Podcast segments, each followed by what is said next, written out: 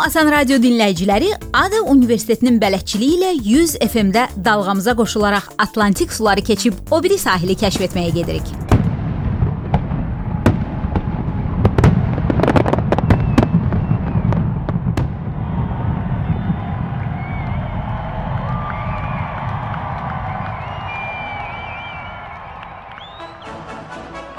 Bu atəşfəşanlıq səsləri Birləşmiş Ştatların iyul nəğməsidir. Ölkənin müstəqillik günü və ya sadəcə 4 iyul kimi tanınan təqvim Amerikanın şərqindən qərbinə, şimalından cənubuna dək atəşfəşanlıqlarla qeyd olunur. Lakin bu 4 iyul ənənələrinin yalnız biridir.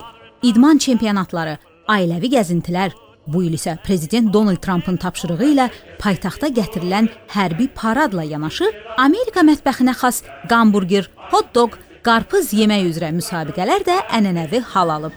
Bunlardan ən irisi New York şəhərinin Coney Island hissəsində keçirilir. Məşhur Nasons sasis məhsulları markası 100 illik ənənəni davam etdirir. Səhnədə 10 dəqiqə ərzində mümkün qədər çox sayda hot-dog yeyə biləcəyinə inanan iştirakçılar toplaşır və yarış başlayır.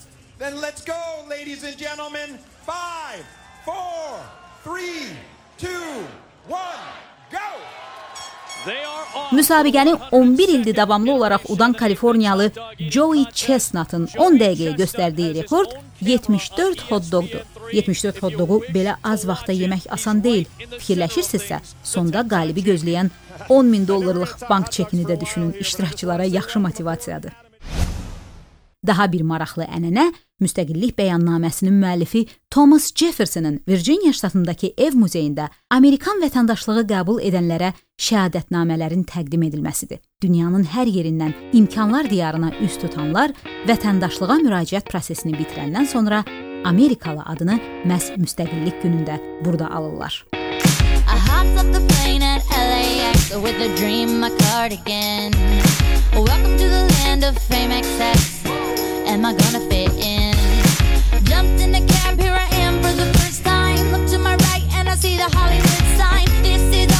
Crazy.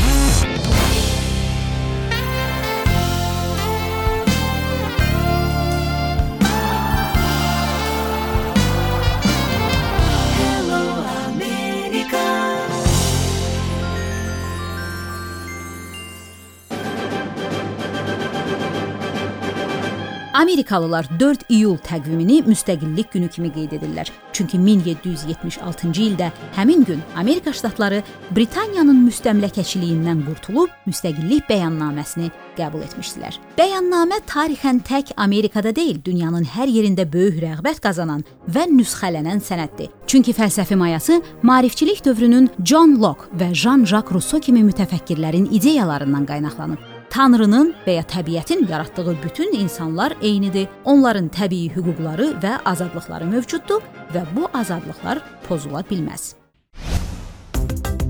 ABŞ konstitusiyası dünyanın hələ də istifadədə olan ən qədim ali qanunlarından biridir. 18-ci əsrə aid bu sənədin bərabəri yalnız ondan bir az gənc olan 1814-cü ildə qəbul edilən Norveç konstitusiyasıdır. ABŞ konstitusiyasının əsas müddəaları bir çox ölkələrin ana qanunlarında istifadə olunub. Fransa, Filippin, Cənubi Amerikanın dövlətləri və hətta postsovet ölkələri belə Amerika konstitusiyasından Xüsusilə ölkədə gücün bərabər şəkildə 3 hakimiyyət qolu icra edici, qanunverici və məhkəmə arasında bölünməsini götürüblər. Müstəqillik bəyannaməsinin müəllifləri sadə, lakin çox fundamental bir anlayışdan irəli gəlirdilər. İdarə etmə insanların əlindədir.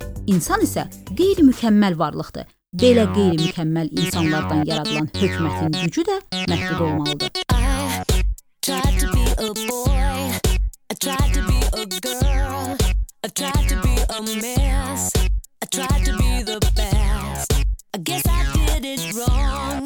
I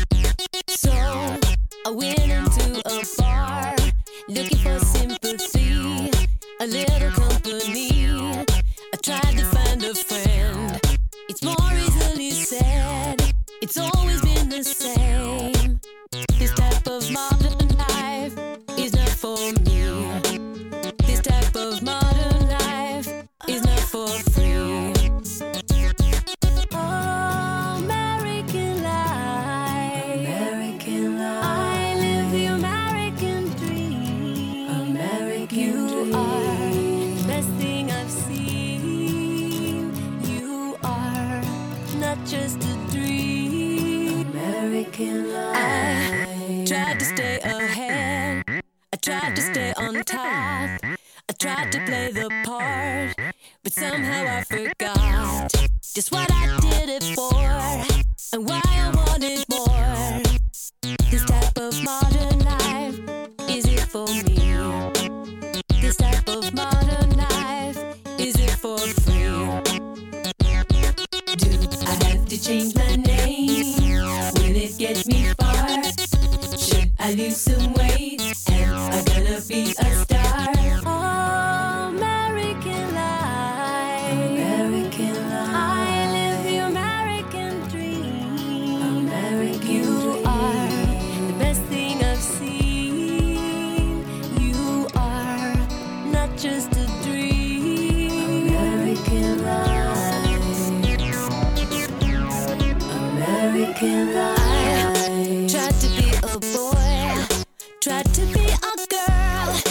tried to be a mess, tried to be the best, tried to find a friend, tried to stay ahead, tried to stay on top. Hello, America.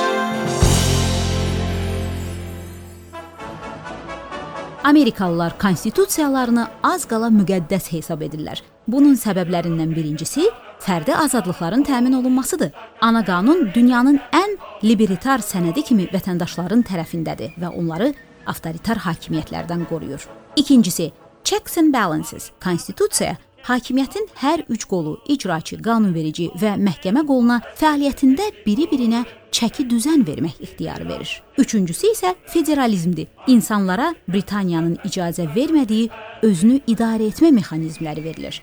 Yəni yerli və ştat hakimiyyətləri federal hakimiyyətdən muxtar şəkildə işləyirlər. Vətəndaşlar özləri şəhər merlərini, qubernatorlarını, hakimlərini və hətta şerif, yerli güc strukturunun başçısını seçki yolu ilə müəyyən edir. Bir sözlə, Amerika prezidenti Abraham Lincolnun məşhur ifadəsi ilə desək, insanların hakimiyyəti insanlardan olan hakimiyyət insanlar üçün olan hakimiyyət. 18-ci əsrdə qəbul ediləndən bəri ABŞ konstitusiyasına 27 dəyişiklik edilib. Bura qadınlara səs vermə hüququnun verilməsi, prezidentlik hakimiyyətinin 2 müddətlə məhdudlaşdırılması, seçici hüququnun 18 yaşında başlaması kimi dəyişikliklər daxildir. Lakin ümumiyyətlə 3 əsrlik bir sənəd üçün bu dəyişikliklərin sayı çox deyil. Bunun isə səbəbi sadədir. Amerikalılar konstitusiyanı milli kimliklərinin bir hissəsi kimi görürlər. O toxunulmazdır. Bir də ki, dünya tarixinin təcrübəsi də yaxşı müəllimdir. Bir çox böyük dövlətlər sonu xalqının əzilməsi ilə bitən konstitusiyalar qəbul etdilər. Nasist Almaniyası, Sovet İttifaqı, İmperial Yaponiya hamısının ana qanunları o zaman üçün mütərəqqi səslənsə də sonları məlumdur. Amerikalıların fikrincə tarixi imtahandan yalnız hakimiyyəti xalqa tapşıran konstitusiyaya keçə bildi. Amerika konstitusiyasını dəyişmək Amerika kimliyini dəyişməyə bərabər bir addım kimi qəbul edilir. Elə məhz buna görə də əvvəldən məğlubiyyətə düçardı.